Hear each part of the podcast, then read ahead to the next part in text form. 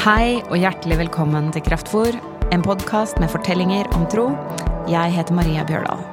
Og jeg heter Kjetil Gilberg. Sammen så prater vi med folk som vi er nysgjerrige på. Og det alle disse har til felles, det er at de på en eller annen måte har tilknytning til kraftverket. Og så prater vi litt med hverandre, Kjetil, om det som opptar oss som tro. Men i dag så er tiden satt av til Gudmund Nodland Myhren. Det er stas at du er her. Du er med i Eldsterådet i Kraftverket. Det stemmer. Ja. Ja, det er stor stas, eh, Gudmund, at du er her. Og bare for å få beskrevet det, altså Eldsterådet, du er jo en gammel mann. Ja, begynner å bli det fort nå. Du er begynner fort å bli det. 37 år, eh, jobber som lege et eller annet sted. Sorry.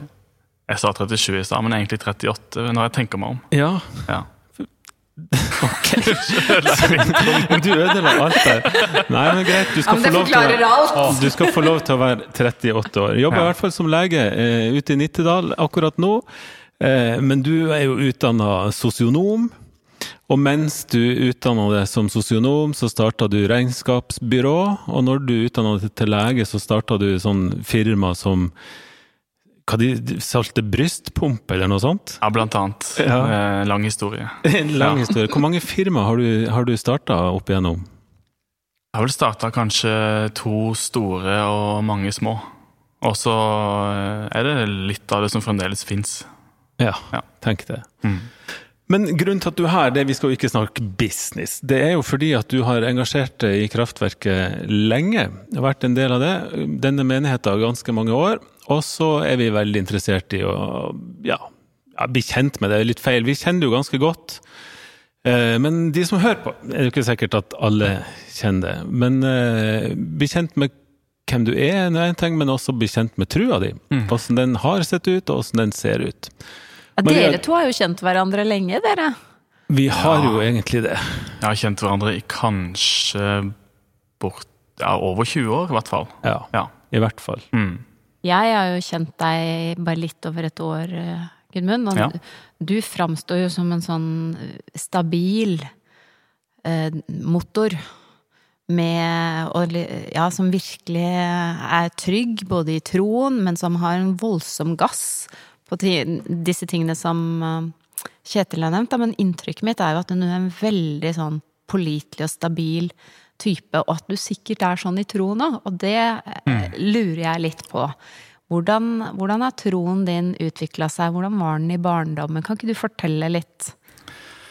Jo, eh, jeg har, blitt, jeg har vel egentlig blitt født med en tro. Jeg har vel aldri tenkt at jeg har Før, før jeg ble eh, kanskje 15, at jeg har et valg. Eh, Født inn i en sånn familie som eh, tilbringer mye av livet sitt i kirka. Sånn som veldig mange sørlandsfamilier på den tida. Og kanskje en del nå også, men det har nok endra seg litt.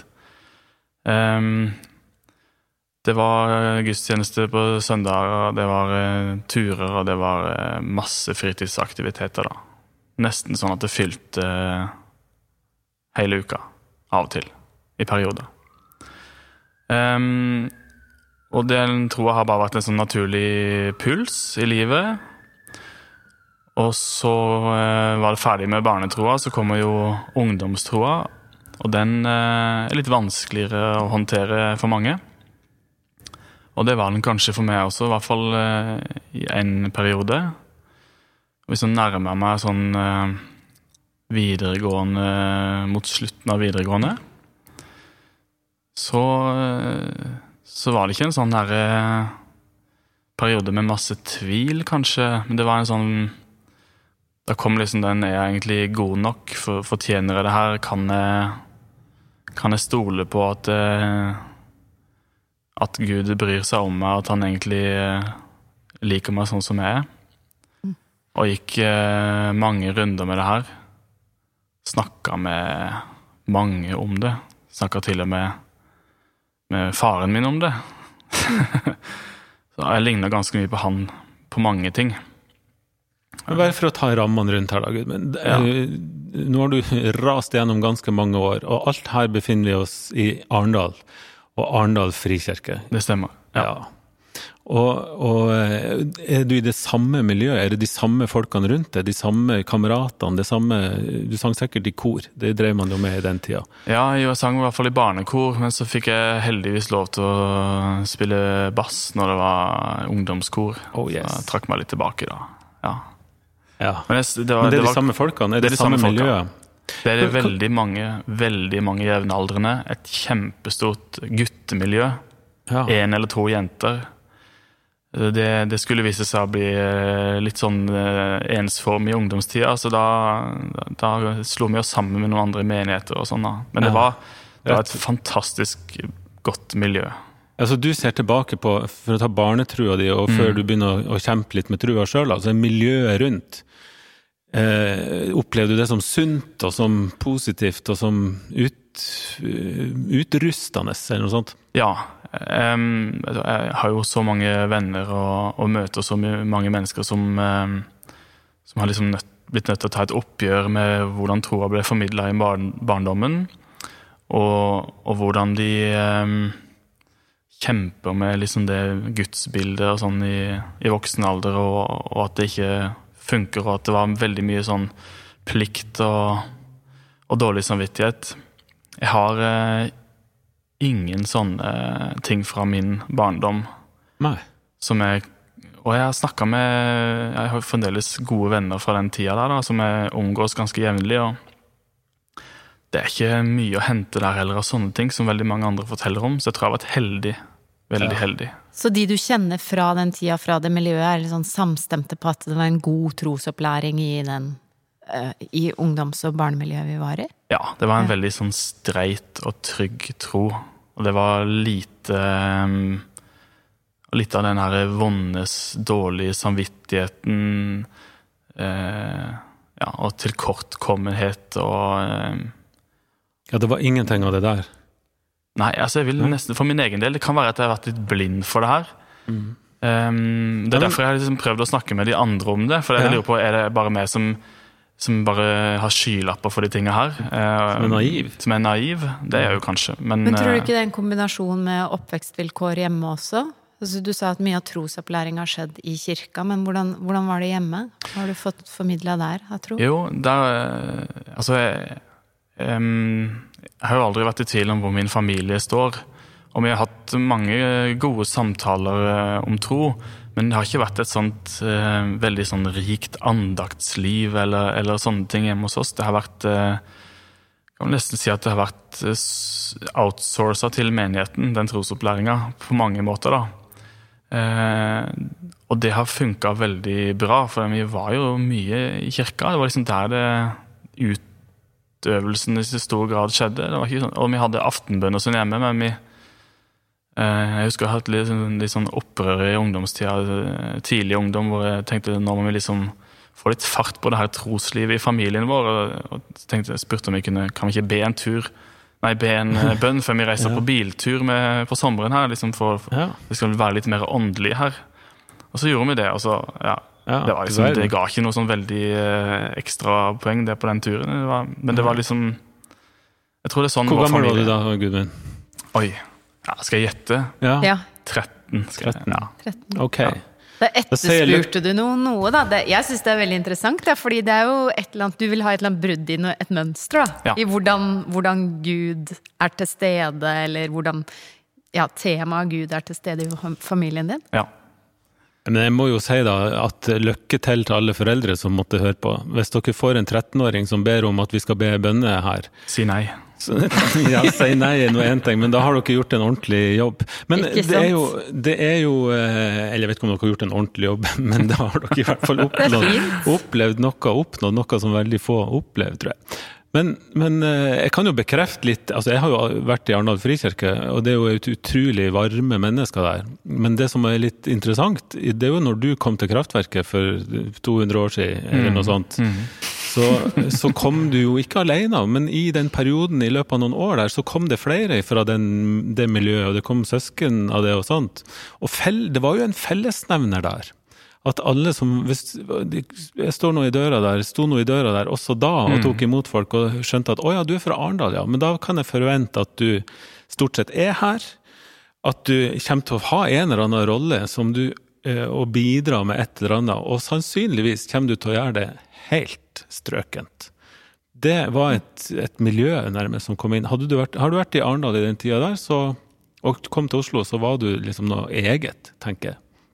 Så det var helt åpenbart å se at her har, her har si, den kirkelige oppdragelsen, da, den mm. har ført veldig mange til samme sted. Sånn at uh, det høres jo ut som det, kunne, det så i hvert fall ut, sånn som jeg møtte det da, uh, på den tida, at det var akkurat sånn som du sier. Det var sunt, mm. det var bra, det var enkelt og fint, og en veldig så, sånn positivitet ja. rundt det å være kristen og rundt det å tilhøre kirke, da. Mm. Jeg må jo si at dette er litt sånn oppløftende, fordi at det, jeg har en merkelig fordom bak i hodet mitt om at liksom for å få en litt sånn varig og brennende tro, så må man liksom få litt sånn derre Må det brenne litt under beina en eller annen gang i tenårene? Mm. Skjønner du? At den der jevne, trygge, gode formidlingen av hva troa er, og hva, hvem Gud er, ja. den, den fører ikke til noe sånn at man henger med videre i svingene. Kanskje gjør den ikke det for alle, for men der tror jeg at, uh, at, den, at, det appellerer litt ulikt til ulike personligheter. da. Jeg, jeg tror ikke at en sånn uh, Altså, jeg har hatt noen episoder i, i løpet av ungdomsåra hvor det ble satt brann under føttene mine, men jeg har liksom ikke antent ordentlig av det. Så jeg tror ikke jeg responderer så godt på den typen formidling eller den Eller sånn type Jeg, jeg tror eh, det appellerer mer til meg, den herre jevne driften da, ja. i et trosliv. Ja. ja. Men eh, du var kommet til ungdomstida di, hvis vi skal være sånn kronologisk. Ja. Så antyder du det helt i starten her at det er noe som skjer? Ja, det som skjer, eh, er jo sånn sikkert et uttrykk for eh, både sånn eh, hormonelle endringer og litt sånn endringer i måten en ser verden på. Eh, blande det med, med en sånn uh, barnetro om at eh, det er en nåde som uh, tar vare på alle uansett hvordan du er. Og så litt sånn innspill av uh, noen venner fra andre kristne miljøer som, som har et annet syn på, på, hva man må gjøre for å fortsatt være kristen hver dag. Ja. Eh, det ble et sånn sammensurium av inntrykk, og mm, begynte å stille spørsmål eh, om, eh, om det her var godt nok, om jeg var god nok. Um, og bala med det i hvert fall i et år eller halvannet. Og som ja, diskuterte det her med min far, som er også en ekstremt samvittighetsfull type. Og um, han fortalte liksom om, om, sin egen ungdomstid. og Det var en gammel mann tror jeg, som hadde fortalt han at, uh, at den dåpen han hadde, var mer enn nok i massevis. For at han skulle få lov å være kristen så lenge han ville. Ja. Og at det, det, var ikke noe mer utover det man trengte å gjøre. Slo, meg, du, ja, slo du deg til ro med det? Jeg slo meg delvis til ro med det, men det var ikke før en, eh, en pinsevenn fortalte meg omtrent det samme. At jeg liksom følte at eh, nå, nå det både pappa og en pinsevenn som ellers er opptatt av å eh, liksom eh, ta opp sin åndskamp daglig for å, for å henge med, da. Når begge, begge, de to sier at, at din dåp er nok, og han ene sa vel Siterte vel Romerne 8.1, da. Det finnes ingen fordømmelse, osv. Eh, og var, da, var, da, var, det greit for meg, altså. Det var liksom det jeg trengte, tror jeg. Det tok en stund, og det var liksom Hvis min eh, Nå har ikke jeg hatt en veldig stor sånn eh, heftig rundreise med min tro, men la oss kalle det en, en lokal bussreise med få stopp. Så var det her første stopp med, hvor det kom en liten sånn utfordring, da. Ja. ja. Elsker pinsevenner. Ja. Det må jeg bare si. Jeg er blitt kjent med flere og flere. Ja. Mm. Og jeg må også si det at jeg elsker de. Er good. Men eh, da er du fortsatt å og rota rundt rundt eh, rutebilstasjonen i, i Arendal ja. eller noe, ja. og, eh, og, så beveger du deg inn til Oslo? Ja, jeg hadde et lite stopp til. Jeg hadde stopp eh, jeg hadde et år mellom videregående og Oslo. Ja. Hvor jeg fikk en slags kallsopplevelse til å være barne- og ungdomsarbeider. ja, det vil vi høre om. Ja, det var, det var altså Vi var to stykker som eh, opplevde litt det samme. At eh, det var veldig mye som falt på plass eh, for å være ett år til hjemme før en liksom forsøkte seg på storbyen. Og skulle skape et slags miljø for eh, de som var yngre enn oss. Eh, 50 hver.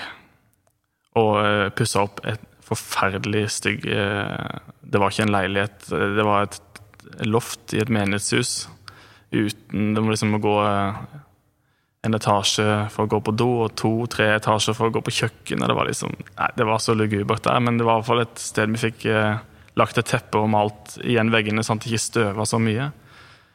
Og flytta inn der, og mm, jeg tror vi gjorde vi gjorde jo mye i menigheten da, arrangerte konserter. og Du var jo til og med der og Vet du spilte. hva, Gudmund, når du snakker nå, Ja. så får jeg helt eh, déjà vu eller et eller annet. Det var da vi møttes første gang, tror jeg. Fordi det, vi var der med Ja, det stemmer. Jeg tok dere med på kinarestaurant, eh, Ja. som var det så eksotisk som Arendal kunne tilby. Det husker jeg meget godt. Vi spiste kinamat i Mm. Ja. Arendal. Det var helt nydelig, det. Og eh, på alle vis. Men dette var et sånn hangout-sted for, eh, for gjengen deres, da, for de som var litt yngre, da. Ja, det skulle være for de litt yngre. Det ble kanskje mest for våre jevnaldrende. da. Eh, Vi lykkes nok ikke med å skape det miljøet som vi skulle liksom få opp et miljø før vi dro fra byen. Det ble ikke helt sånn, men det ble et fint år allikevel. da. Hvordan oppleves det å få et, en, ha en kallsopplevelse? Ja, det er kanskje, det er kanskje den eneste ordentlige kaldsopplevelsen. Altså, jeg har, blitt, jeg har vært kald til å bli eldst i kraftverket også, men jeg har ikke opplevd det så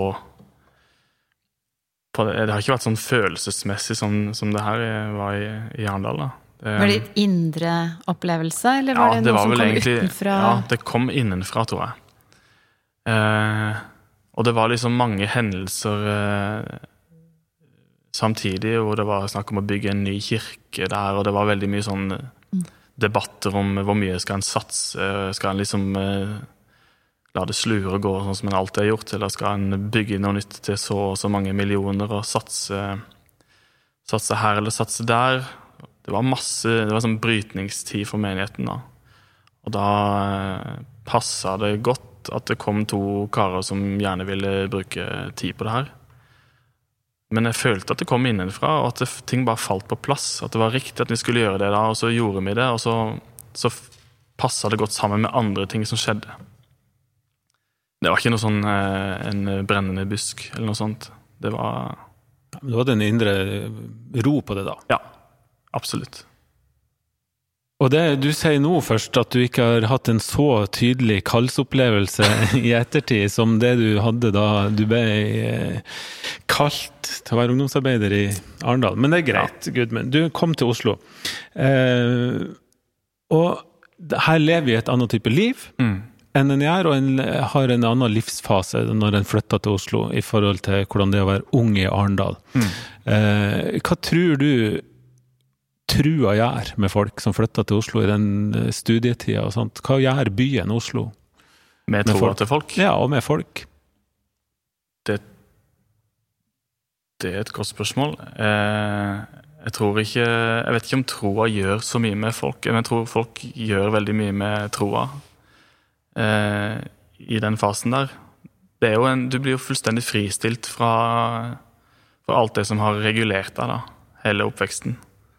Og for noen så betyr det at nå kan jeg bare slippe alt. Og for andre så betyr det at de eh, som Andre tenker at de, nå må jeg klamre meg fast til et eller annet og finne et sted. Åssen var det for det? Hva du gjorde? Åh, det er kjedelig, vet du. Ehm, Du gjorde sikkert det Jeg fant, rette som vanlig. jo, eh, jeg fant jo det som jeg hadde hørt om, og som jeg hadde kjent folk i, da. Mm. Og jeg er jo så ekstremt Altså, vi snakker om kraftverket? snakker om kraftverket. Ja. Det var rett til kraftverket første søndagen etter flyttelasset var pakka ut. da. Du visste du skulle hit, du. Ja, ehm, jeg visste at jeg skulle hit. Visste ikke helt om, pass, om jeg passa her. Men jeg hadde en kusine som gikk her, og hun tok meg liksom under sin vinge og lot meg bli kjent med noen flere. Så, eh, derfra så har det jo vært både sånn menighet, men også sosial arena utenfor eh, menigheten.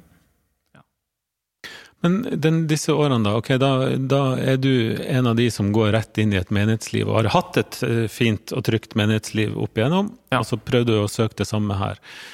Eh, kanskje, hvordan vil du si at trua di har på en måte stått stille, da?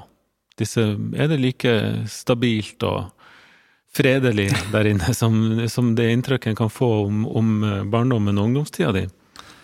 Kanskje en eh, La oss si at jeg hadde noen sånne runder før jeg flytta til Oslo, og så har det vel vært ganske stabilt eh, i Oslo-tida. Frem til siste året, tror jeg. Ja. Hva Siste har skjedd det siste året? Ja, hva har skjedd det siste året? Det er liksom Jeg tenker i, i folks liv, eh, hvis en liksom Når de beskriver eh, troa si sånn opp gjennom livet, aldri hørt så mange som har snakka om, om de, liksom, de vanskelige 30-åra, eller liksom når du begynner å bikke 35, nærmere deg 40 kanskje. Men eh, plutselig så befinner altså meg og mine jevnaldrende vi har litt av de samme, samme utfordringene, da. Hva da? Um, ja Etablere seg med familie gjør mange. Mm. Det er jo Sånn eh, 30-åra For mange består i, i det.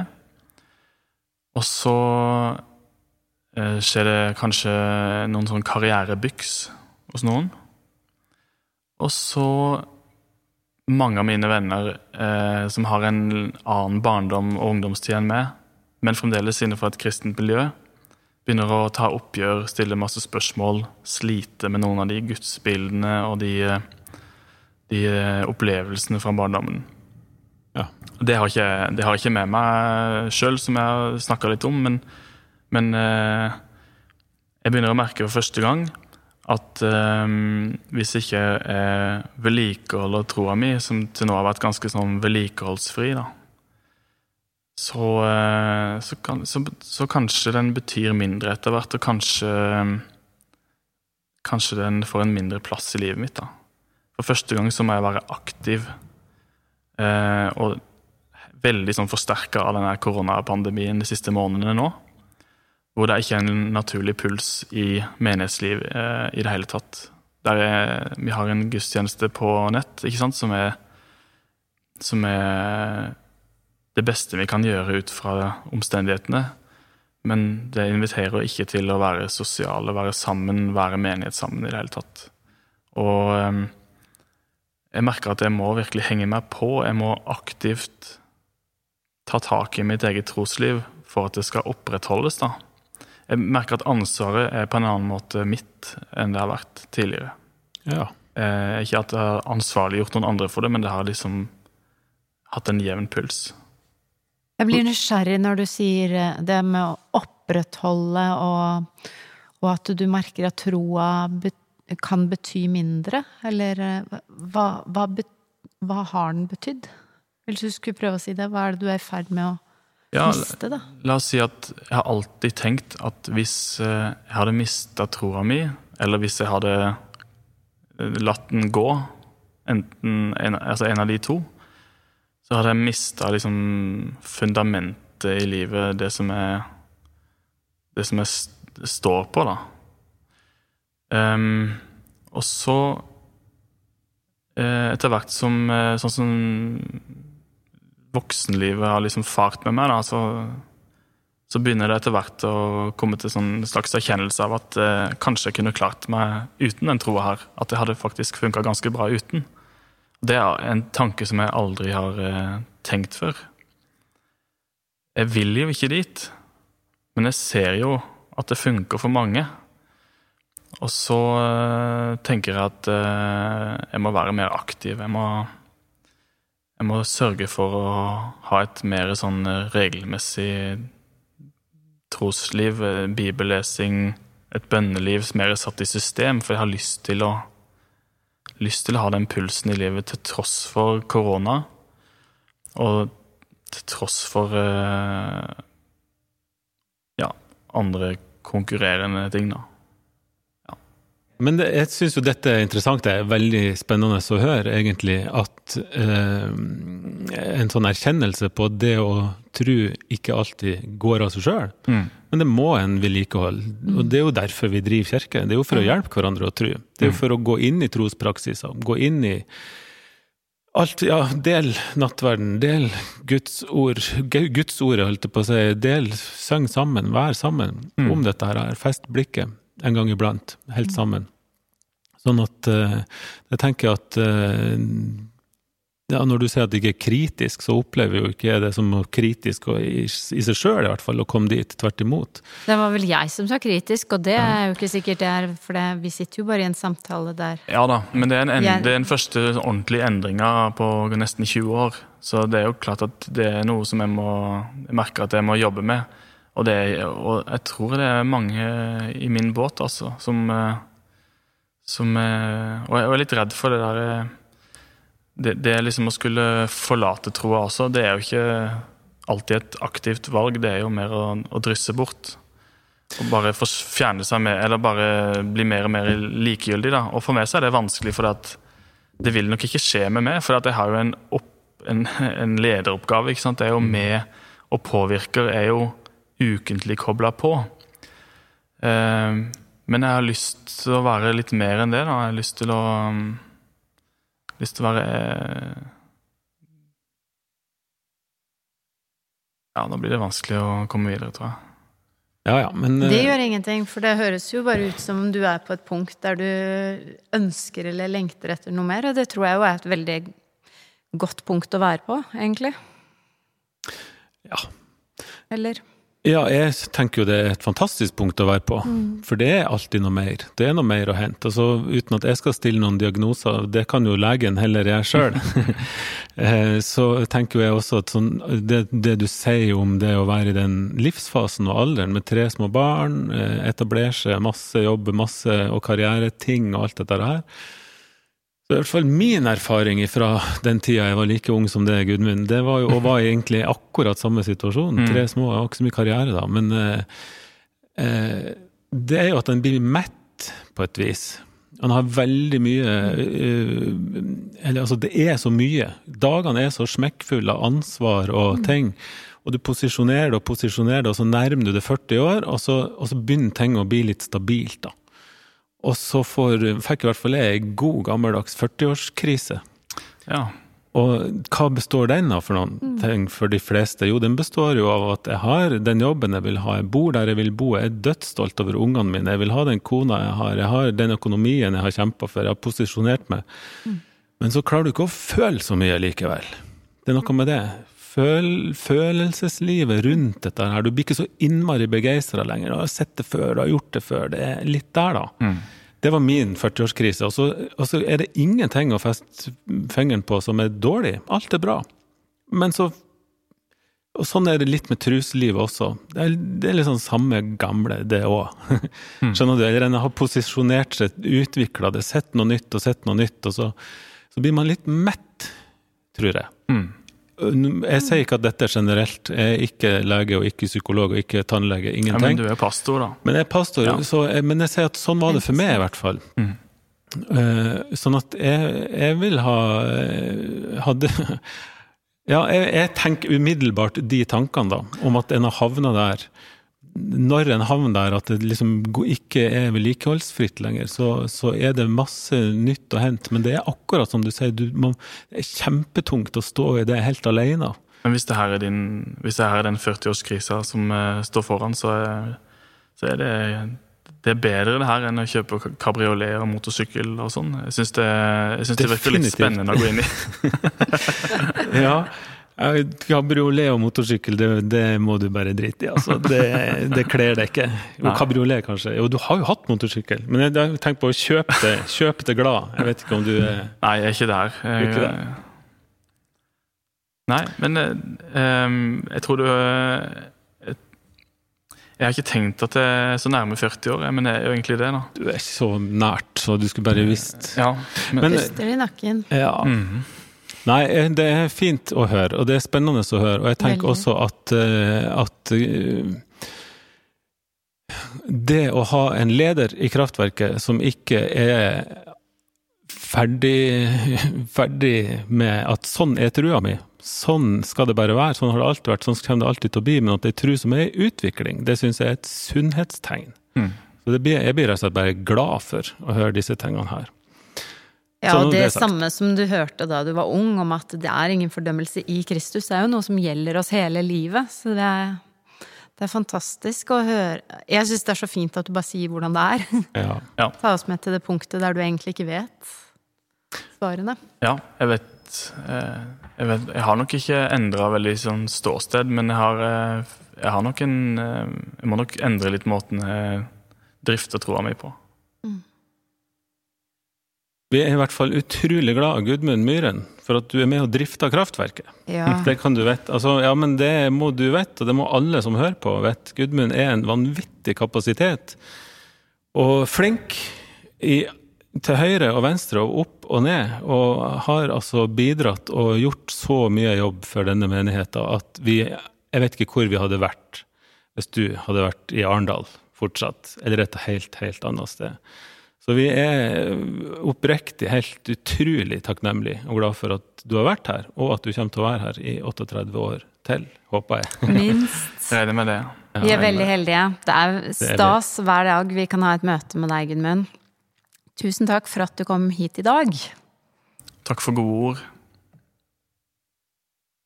Jeg har lyst til å rante litt. Ja, det må du Det er så lenge siden det er sist. altfor lenge siden vi har hørt ting Kjetil irriterer seg over. Ja. Og i dag er jeg irritert. Skikkelig irritert. For rett før vi gikk på her nå, så åpna jeg Vårt Land. Og toppsaken i Vårt Land i dag, den er altså rett og slett at biskopen vår i Oslo, eh, Kari eh, Veiteberg, har vært i en sånn intervjusituasjon med Espen Ottesen, Ottosen og en annen fyr. Tror det var podkast, det òg. Og jeg har ikke hørt podkasten, jeg har ikke noen ting. Men jeg bare beit meg merke i et spørsmål i, eh, i den reportasjen, der Vårt Land spør Espen Ottesen aksepterer du at biskop Kari Weiteberg er kristen. Og så svarer han Espen Ottosen nei, det er vanskelig å svare på. Og da ble er irritert, for å si det mildt. Ærlig talt, det er ikke vanskelig å svare på om en biskop i Den norske kirke er kristen. Kari Veiteberg er kristen, og det er ferdig snakka, og det burde han ha sagt. Og jeg blir irritert fordi at dette er en sånn innafor-utafor-kategorisering som jeg er lei av. Og jeg, når til og med en biskop i Den norske kirke ikke er god nok og ikke havner innafor, så ligger lista kjempehøyt, og smalen er så sti at hvem skal gå den da? Og jeg blir irritert fordi at folk syns det er vanskelig nok å være med i å passe inn i kirka. Vi er smale nok sånn som vi er fra før, om vi ikke skal sette biskoper på utsida også, sånn trusmessig. Så jeg tenker at eh, som før, Det er drøyt. kirka sitt, sin jobb, det er å strekke ut armene. Det er å være et sted der ulike mennesker med ulike plattformer, ulike ståsted og ulike livs- og erfaringsbakgrunner skal høre sammen. Og da kan man jo være uenig, det er ikke farlig. Og disse er jo helt uenige om masse, masse ting. Men, eh, men ikke fortell folk at de ikke er kristne. Det er for drøyt. Og så irriterer det meg like mye, nesten, at han garderer seg etterpå. Ja. Fordi han sier at eh, ja, må jeg nå lese det her, men det står samtidig er det ikke min oppgave å godkjenne eller stemple trua til andre mennesker som min- mindreverdige. Det overlater jeg til Gud. Og det, det er jo godt sagt og helt sant. Men nå har du allerede sagt at du syns det er vanskelig å, å være trygg på at hun er kristen. Og når du, han som leder da, av, og er talsmann for store kristne grupper, går ut sånn, så mener jeg at han legitimerer innafor, utafor-tenkinga og alt det der. Jeg irriterer meg over det. Og jeg syns det er irriterende at eh, han, bruker At han viser at han er en flink debattant, og blir, han blir på en måte usårbar sjøl, da. For det går ikke an å ta han på dette standpunktet, for han har lagt det over på Gud, da. Og som er helt rett, det er Gud som skal dømme dette her. Men med den posisjonen og med den eh, påvirkningskrafta den man har, så, så sitter jeg og fikk jeg altså morgenkaffen i vrangstrupen og ble ordentlig irritert. Og presisere at jeg kjenner ikke Kari Weiteberg, jeg har aldri møtt henne. Jeg møtte henne kanskje én gang, tror jeg.